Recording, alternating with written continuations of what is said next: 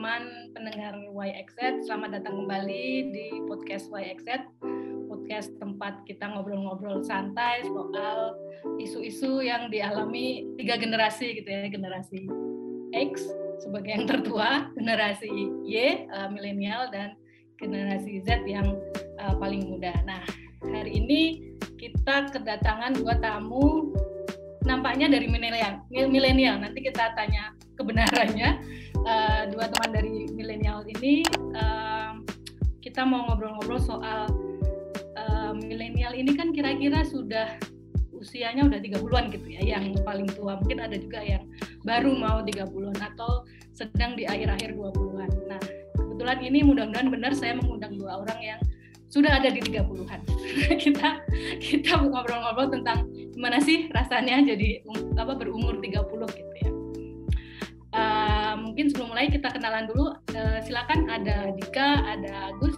Mungkin uh, Dika dulu bisa kenal nama dan kemudian sekarang aktivitasnya apa. Uh, Oke, okay, thank you Mania. Halo uh, pendengar podcast XYZ ya, bacanya gitu ya. Uh, saya Dika, Rahmat dan Dika, panggilan Dika. Saya milenial tengah, Mbak Nia. Milenial hari paling tua kan 41 ya. Iya loh jadi empat puluh milenial. Hari ini ya benar kan?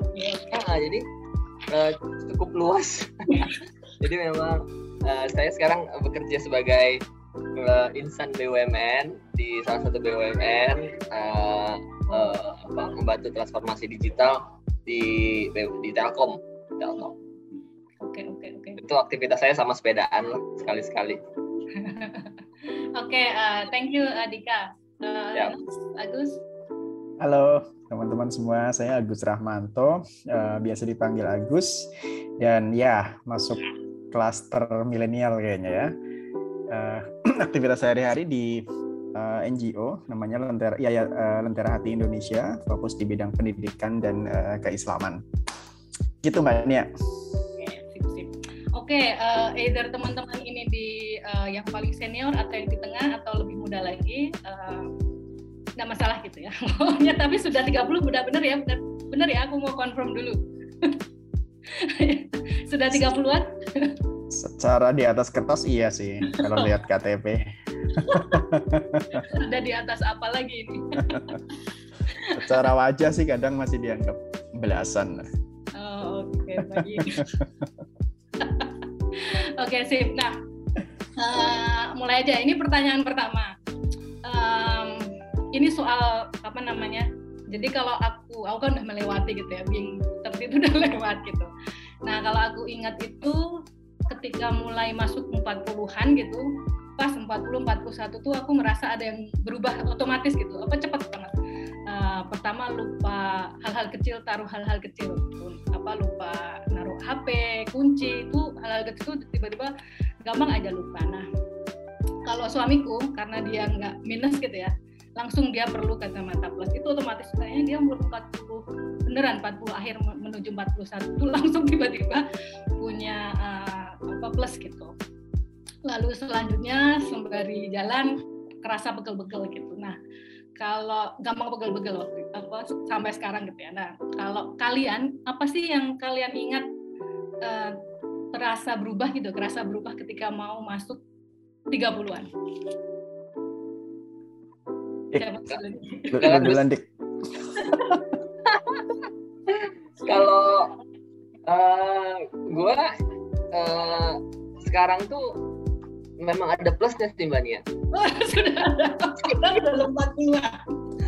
Gue notice gara-gara tiap disodorin HP deket-deket gitu, refleksnya jauhin gitu. Jadi saya ini nih lihat nih lihat nih gitu kan. Saya oh, plus ya? Ah, enggak terus gue cek kan akhirnya. Moment of truth ada plus setengah walaupun tapi tetap aja plus ya. Aduh ternyata plus itu paling ya. Sisanya oh rambut dong rambut. Okay. rambut sih dari uh, akhir 30-an juga udah makin mundur makin mundur ya, itu udah akhir 20-an maksudmu? Ah enak aja enggak. Akhir 30-an eh salah salah. Akhir 20-an benar benar. Ya, benar, kamu benar. benar. Kamu tuh Gen X atau milenial? Aku jadi curiga menyamar Oke oke, wah ini melampaui ininya ya, tertis tapi uh, sudah mulai perlu kacamata plus. oke okay, kalau nggak ada nggak inget momen tertentu mbak sama sekali di usia tiga bulan. Uh, tapi tadi gara-gara ngomong kacamata, secara kebetulan aku pakai kacamata sekitar umur 30-31 tahun, tapi minus, dan minus setengah. Sekarang nambah jadi minus satu. Hmm. Iya, nggak nggak nggak ada nggak ada. Mungkin karena mungkin karena mungkin karena udah duluan dari umur belasan dia udah menua mbak. Aku inget-inget apa kenapa kenapa nggak nggak ada momen tertentu mungkin karena memang bisa dibilang nggak pernah ngerayain ulang tahun juga mbak. Jadi beneran angka itu yang usia itu ya udah jalan aja. Salah gitu ya. Oke oke. Okay. nah kalau kalau umur 20-an itu kan kira-kira 10 tahun yang lalu gitu ya buat teman-teman ya kalau nggak salah ya. Aku mengira-ngira aja gitu ya Nah, uh, masih ingat mungkin ya 20-an itu uh, seperti apa, lalu sekarang sudah 30-an. Nah, uh, kalau boleh tahu apa sih bedanya buat teman-teman buat uh, Agus sama buat Dika waktu di usia 20-an dan 30-an? Apa yang paling uh, terasa beda gitu? Hmm, menarik pertanyaannya. Kalau secara mom, secara event, secara fase kehidupan 20-an itu ada beberapa fase uh, lulus kuliah, pekerjaan pertama tentu saja ya.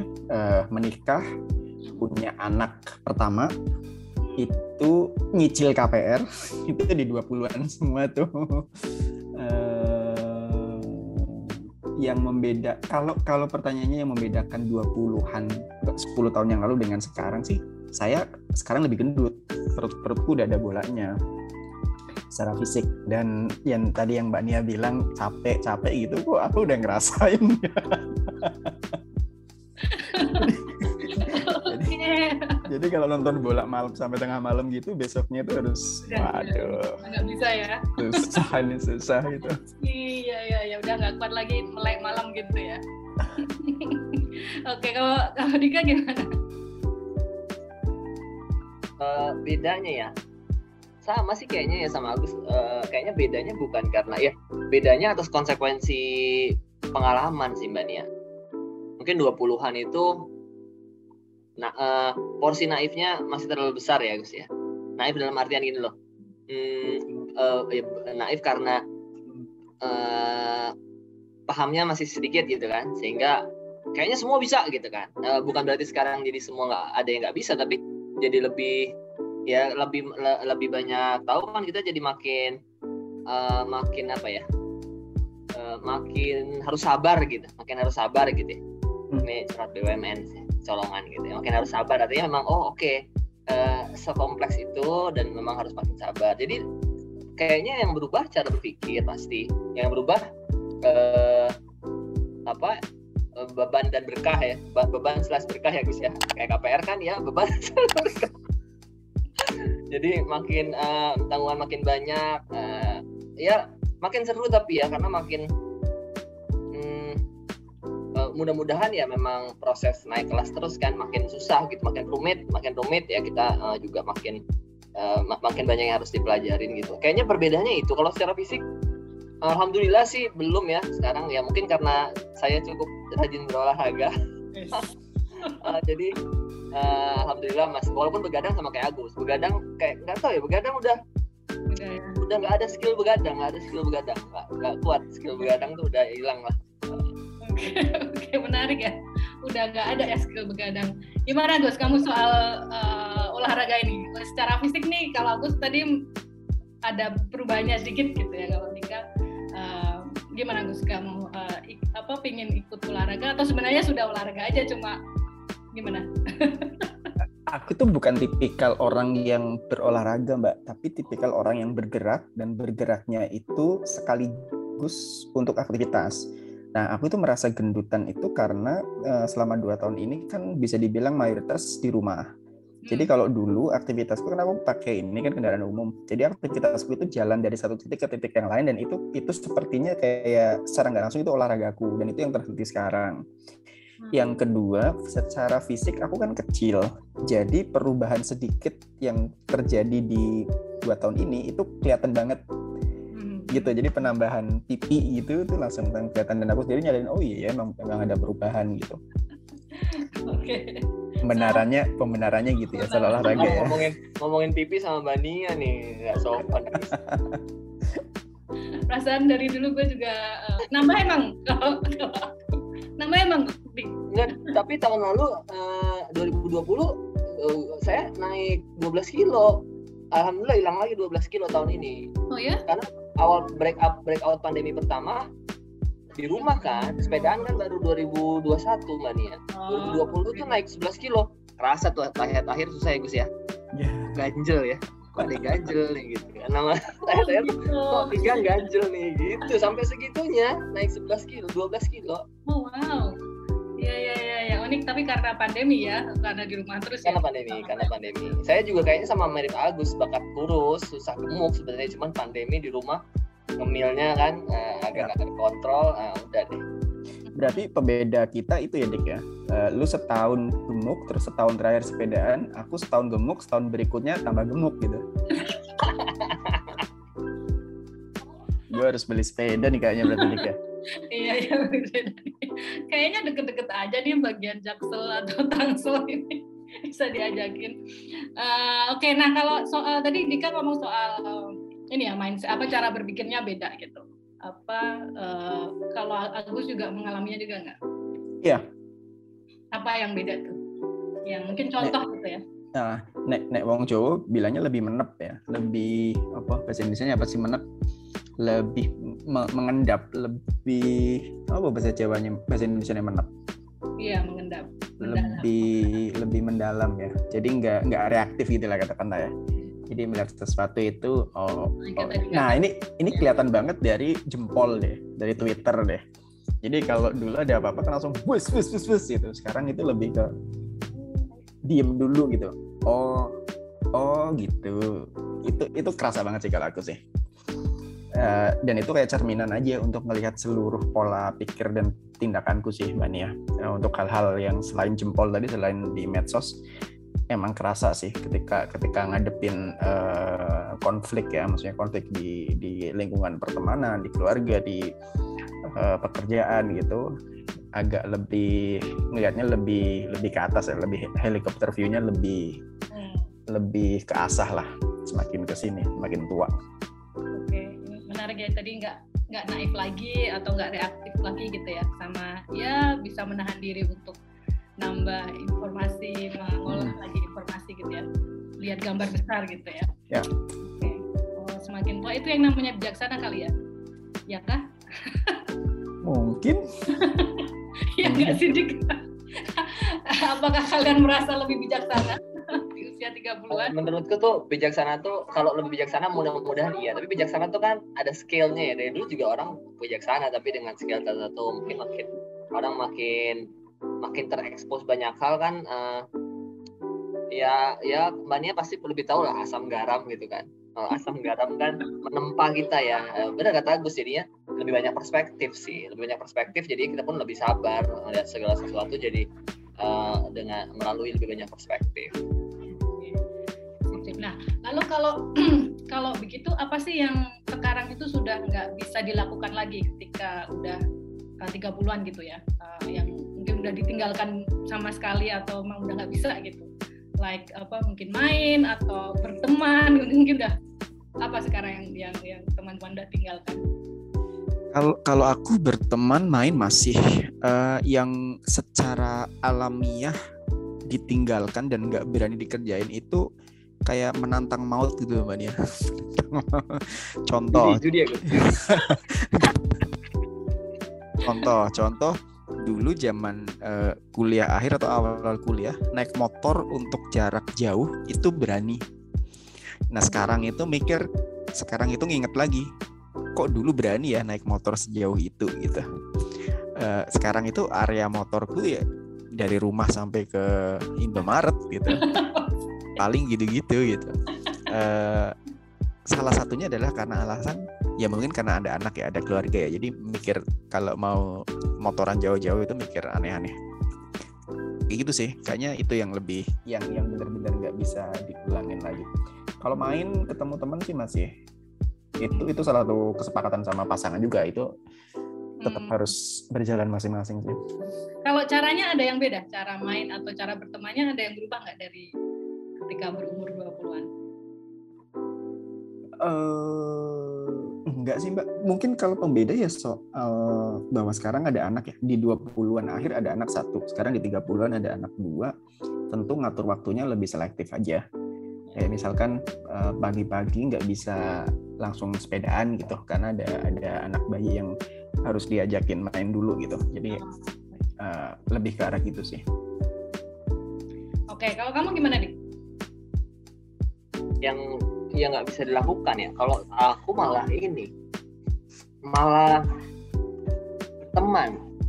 Hmm. Uh, somehow ya mungkin karena aktivitas ya sulit makin sulit uh, apa merasa makin sulit uh, menemukan lingkaran pertemanan baru ya tapi mungkin nggak tahu apakah mungkin begitu ya hmm. dan dan, dan di sisi lain uh, untuk nurturing lingkaran-lingkaran lama makin sulit karena ya selain karena pandemi karena karena aktivitas tadi ya kan selain kerjaan ya. uh, sama kayak Agus ya uh, di rumah juga uh, anak dua uh, makin banyak ngerasanya itu ngerasanya kadang-kadang tuh uh, uh, kayak hilang hilang obrolan-obrolan ringan kayak ya sama konco-konco gitu kan kita ngobrol-ngobrolnya benar-benar ringan ngalor gitu mana-mana tuh langka gitu itu sih yang yang gue rasain sekarang. Hmm. Tapi apakah do you miss it? Maksudnya kalian kangenin gak sih kamu terutama Dika ya kalau Agus? Iya, iya jadi aku sekali sekalinya bisa ketemu tuh emang terasa emang terasa ada yang keluar gitu sekali sekalinya ketemu temen kuliah gitu saya geng kuliahku dulu kan udah sebenarnya nggak jauh-jauh amat semua ada tapi mungkin juga semua punya aktivitas sekali yang ketemu tuh eh, memang kerasa ada iya ya ini nih yang yang yang yang yang sering uh, yang sudah sangat-sangat jarang gitu itu sih uh, beda sama Agus mungkin bedanya yang sekarang malah uh, uh, naik sepeda malah mau jauh-jauh. oh gitu. Ya, dan di situ bisa dapat teman baru. Uh, di situ dapat teman, cuman uh, beda pasti ya. Gitu. Di situ lebih ke mengenal orang, uh, mengenal orang baru lebih banyak, uh, belajar banyak perspektif. Tapi kan sebenarnya karena sepeda ini kan aku kayak kemarin gitu keliling Jogja, Madiun, sampai Klaten, eh apa Ngawi, Ponorogo gitu kan muter 600 kilo apa istilahnya moving meditation meditation gitu mbak uh, me time yang jadinya banyak mikir kan jarang ya. Me time tuh makin sini makin mahal karena bukan nggak bisa punya waktu sendirinya tapi nggak bisa lepas dari pikiran yang ya kerjaan ya apa gitu kan. Tapi begitu naik sepeda tuh kan uh, objektifnya jelas ya. Pindah poin A poin B. Nah, along the way itu jadi bisa banyak kontemplasi sih kontemplasi. Cuman apa ya banyak uh, bengong banyak mikir gitu. Itu menarik sih. Eh, mbak ini aku nambahin soal teman deh. Uh, aku juga ngerasain yang kayak Dika ya sekarang itu sangat sedikit menambah teman dibanding zaman dulu gitu. Kalau aku sendiri sekarang lebih lebih tidak ingin basa-basi soalnya ya. Uh, nah kalau sama teman lama itu kan ya udah udah ya namanya teman udah kenal lama gitu udah nggak pakai basa-basi. Ibarat kata sih kalau kalau main ke rumah teman gitu bahkan di depan ngomong eh kalau lu memang udah bosan ngomong aja ya ketika gue harus pulang gitu atau ketika ada teman main uh, ke rumah ya kita aku ngomong aja ntar kalau kalau lu udah bosan pengen balik balik aja. Maksudnya nggak nggak nggak usah saling saling saling nggak nyaman gitu. Nah untuk berbahasa basi itu kan butuh energi ya kalau kenal kenal teman baru gitu gitu nah itu lumayan lumayan nggak nggak pengen dilakuin gitu pun demikian kan ada kalanya memang dalam tanda kutip terpaksa ya karena urusan kerjaan segala macam harus kenal orang baru gitu. Uh, ya itu di koridor profesional aja. Maksudnya bukan aja dalam bukan aja dalam artian menyepelekan enggak gitu. Tapi secara makna kan memang beda ya. Relasi relasi profesional sama relasi pertemanan gitu. Tentu ya untuk relasi profesional ya harus harus pertama harus sopan itu harus, tapi beda aja rasanya sama kalau mendefinisikan itu sebagai pertemanan. Aku juga ngerasain itu sih. Nah soal meditasi setuju banget dik. Uh, tapi beda aja ya. Kalau aku meditasi, meditasinya biasanya bengong ke, ke warung kopi gitu sendirian. Dan itu benar-benar sendirian gitu. Bengong aja sejam dua jam gitu main HP atau pegang buku gitu. Ya pegang buku aja nggak dibacain. Gitu ini lucu ya. Maksudnya ada yang ku yang ku notice tadi ada misalnya soal energi mungkin sudah mulai berbeda gitu ya. Lalu uh, selain cara pandang lalu sulitnya melepaskan diri dari banyak pikiran gitu ya uh, setelah umur uh, 30 karena banyak yang harus dipikirkan selain pekerjaan ya. Nah, kalau dari situ sebenarnya kalau buat uh, orang-orang yang berusia 30-an kayak gitu tuh per, perteman itu masih penting nggak sih atau perlu nggak sih menurut kalian gitu ya? Atau weekend maksudnya kita tuh bisa baik-baik aja tanpa teman gitu. Aku nggak aku nggak bisa tanpa teman. Kalau Dika? Iya, menurutku itu masih kebutuhan yang penting sih, Mbak. Jadi jadi that's why uh, karena jadinya outputnya sering kali tuh uh, apa ya? Uh, kadang-kadang kalau udah lama nih gak ketemu teman karena kan susah ya membangun misalnya lingkungan lingkaran pertemanan karakter pertemanan yang kayak Agus bilang kayaknya teman bukan teman basa-basi ya teman ponco gitu yang bisa apa ya yang bisa berkeluh kesah gitu loh. Ya ya yang bisa uh, ngomongin orang maksudnya ngomongin orang uh, ya kadang-kadang kan kita juga perlu berkeluh kesah sambil uh, komentarin uh, negara lah misalnya gitu ya. Yang yang yang ringan gitu yang ringan yang ceplos-ceplos tuh kan aku ngerasa butuh. Jadi kadang-kadang tuh kalau udah lama gak ketemu tuh perasaannya lonely gitu loh. Karena kayak contoh misalnya menciptakan pertemanan seperti itu di lingkungan-lingkungan eh, yang sekarang kita uh, selami buatku susah. Karena contoh misalnya kayak di tempat sekarang peer itu baby boomer semua mbak. Oh iya? Even di bawah tuh masih baby boomer semua jadi nggak uh, kurang klik gitu ya. Susah menemukan gitu yang yang kalau dulu mungkin di Bukalapak masih dapet ya karena uh, kurang lebih uh, bareng ya? milenial lah ya gitu. Jangan sekarang di sini makin susah uh, dari sepedaan sih juga nggak bisa karena sepedaan apalagi sekarang sepeda pandemi kan aku bukan sepeda nongkrong kan ya sepeda pulang sepeda pulang ya ketemu di jalan kenal. Oh akhirnya kenal kadang-kadang ngobrol sambil gue nggak nggak nggak nggak bisa untuk menggantikan apa yang dulu kita punya itu gitu. Paling nggak belum lah belum bisa menggantikan itu. Ya ya menarik ya. Ternyata masih perlu dan itu tidak bisa digantikan dengan keluarga ya berkeluh kesah gitu atau itu berbeda beda berbeda berbeda kalau mengeluhkan keluarga ke mana? Nah, bisa ada tidur soalnya dia aku berani ngomong. Enggak, enggak itu beda lah. Tentu keluarga juga jadi tempat ini cuman uh, beda kan? Ya, ya. yang membedakan apa Gus? Kalau kamu Gus? Kalau di rumah uh, curhat apa sama keluarga sama istri? Iya kayak ya kayak yang Diga bilang kalau sama istri ya ngomongin temen. Sama temen ya ngomongin istri kan? Ya kan? Itu perlu disalurkan juga. I see, I see. nah apalagi benchmark ya benchmark. Apalagi mbak aku tuh tipikal orang yang uh, semua urusanku itu bisa dibilang harus harus terkoneksi dari pertemanan. Misalnya nih, aku itu nggak punya akun LinkedIn, punya tapi nggak diapa-apain gitu. Uh, sehingga selama ini jalur pekerjaanku itu pasti dari teman ke teman.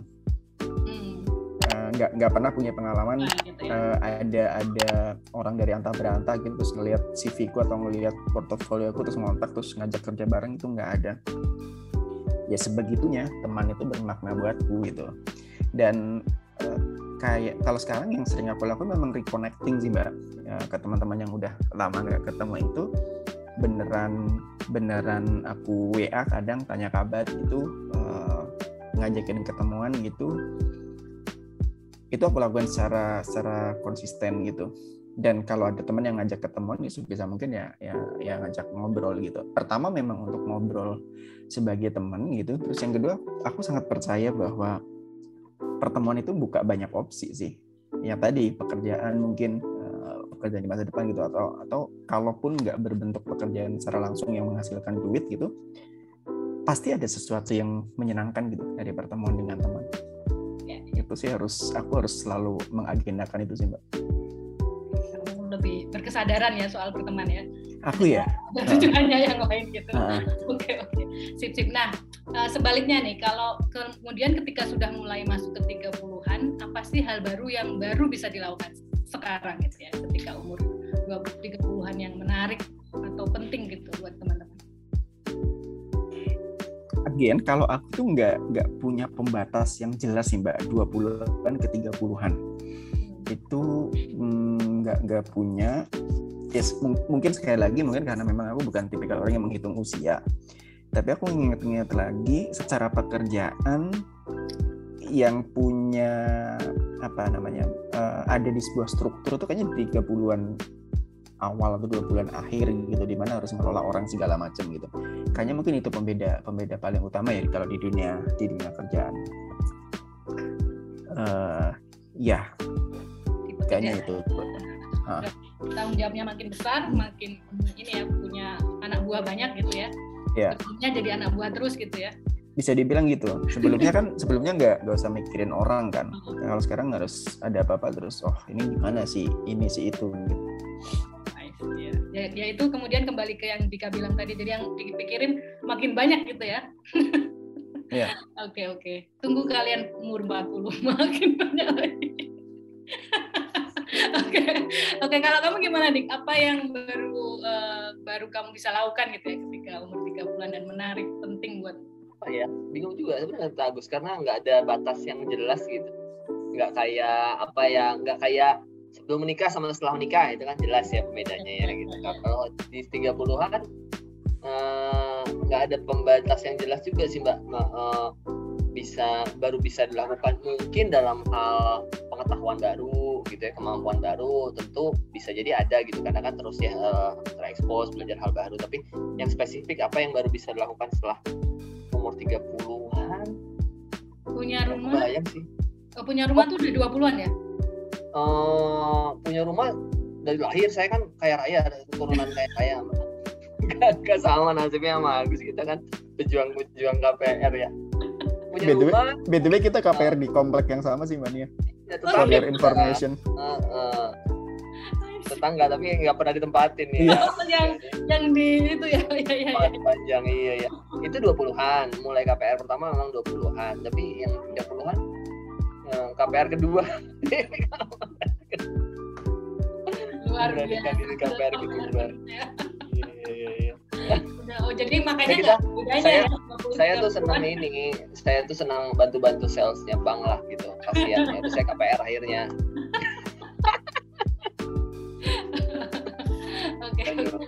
Ini miskin tapi sombong tuh gitu ya. ya. Oke kalau Agus itu ini KPR yang keberapa Gus? Enggak. Enggak, enggak. Saya baru KPR satu itu. Uh, tapi enggak ditempatin juga? Enggak ditempatin. Terus yang sekarang? Jadi rezeki itu aneh-aneh. Yang rumah saya tempatin itu sekarang dulu waktu pindah kerja ini ditanyain kan rumah di mana KPR di sana gitu. Uh jauh. Itu dekat kantor ada rumah kosong tuh tempatin aja gitu. Oh oke okay. siap. Iya iya iya. Oke rezekinya beda-beda.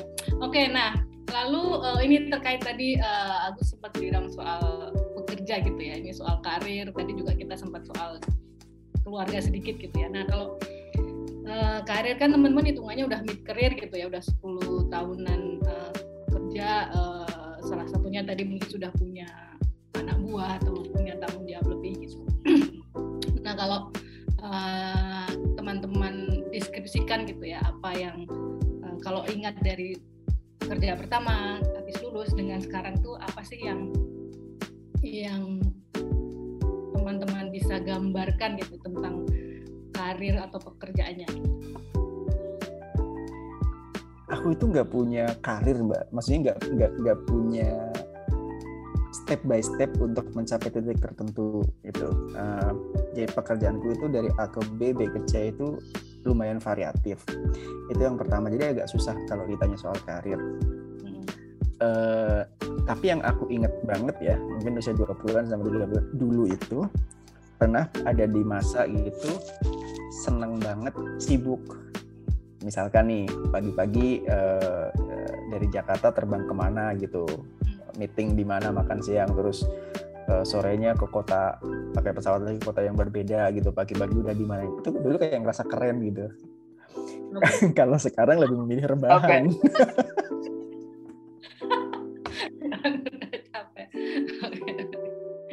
Oke, itu itu berkurang berarti ya apa traveling for work itu udah udah dikurangi ya males ya kalau ada nggak usah gitu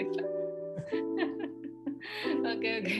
Kalau Dika gimana nih? Kamu ngelihat uh, perjalanan uh, karir atau berkaryamu gitu ya? Mungkin nggak harus di pekerjaan formal kalau misalnya Dika punya apa uh, karya-karya ya. lain gitu. Uh, aku sih ngelihatnya uh, merasanya nyambung sih, Mbak. Walaupun mungkin kalau orang sering kali uh, mungkin kalau dilihat orang dari luar nggak nggak nyambung loncat-loncat tapi aku sendiri ngerasa nyambung selalu ada ada benang merahnya. Jadi dari total berapa ya? Hampir 13 tahun berarti ya lulus kuliah. Itu yang aku nggak nikmatin hanya pekerjaan pertama. Eh, yang mana itu adalah yang memang sesuai keilmuanku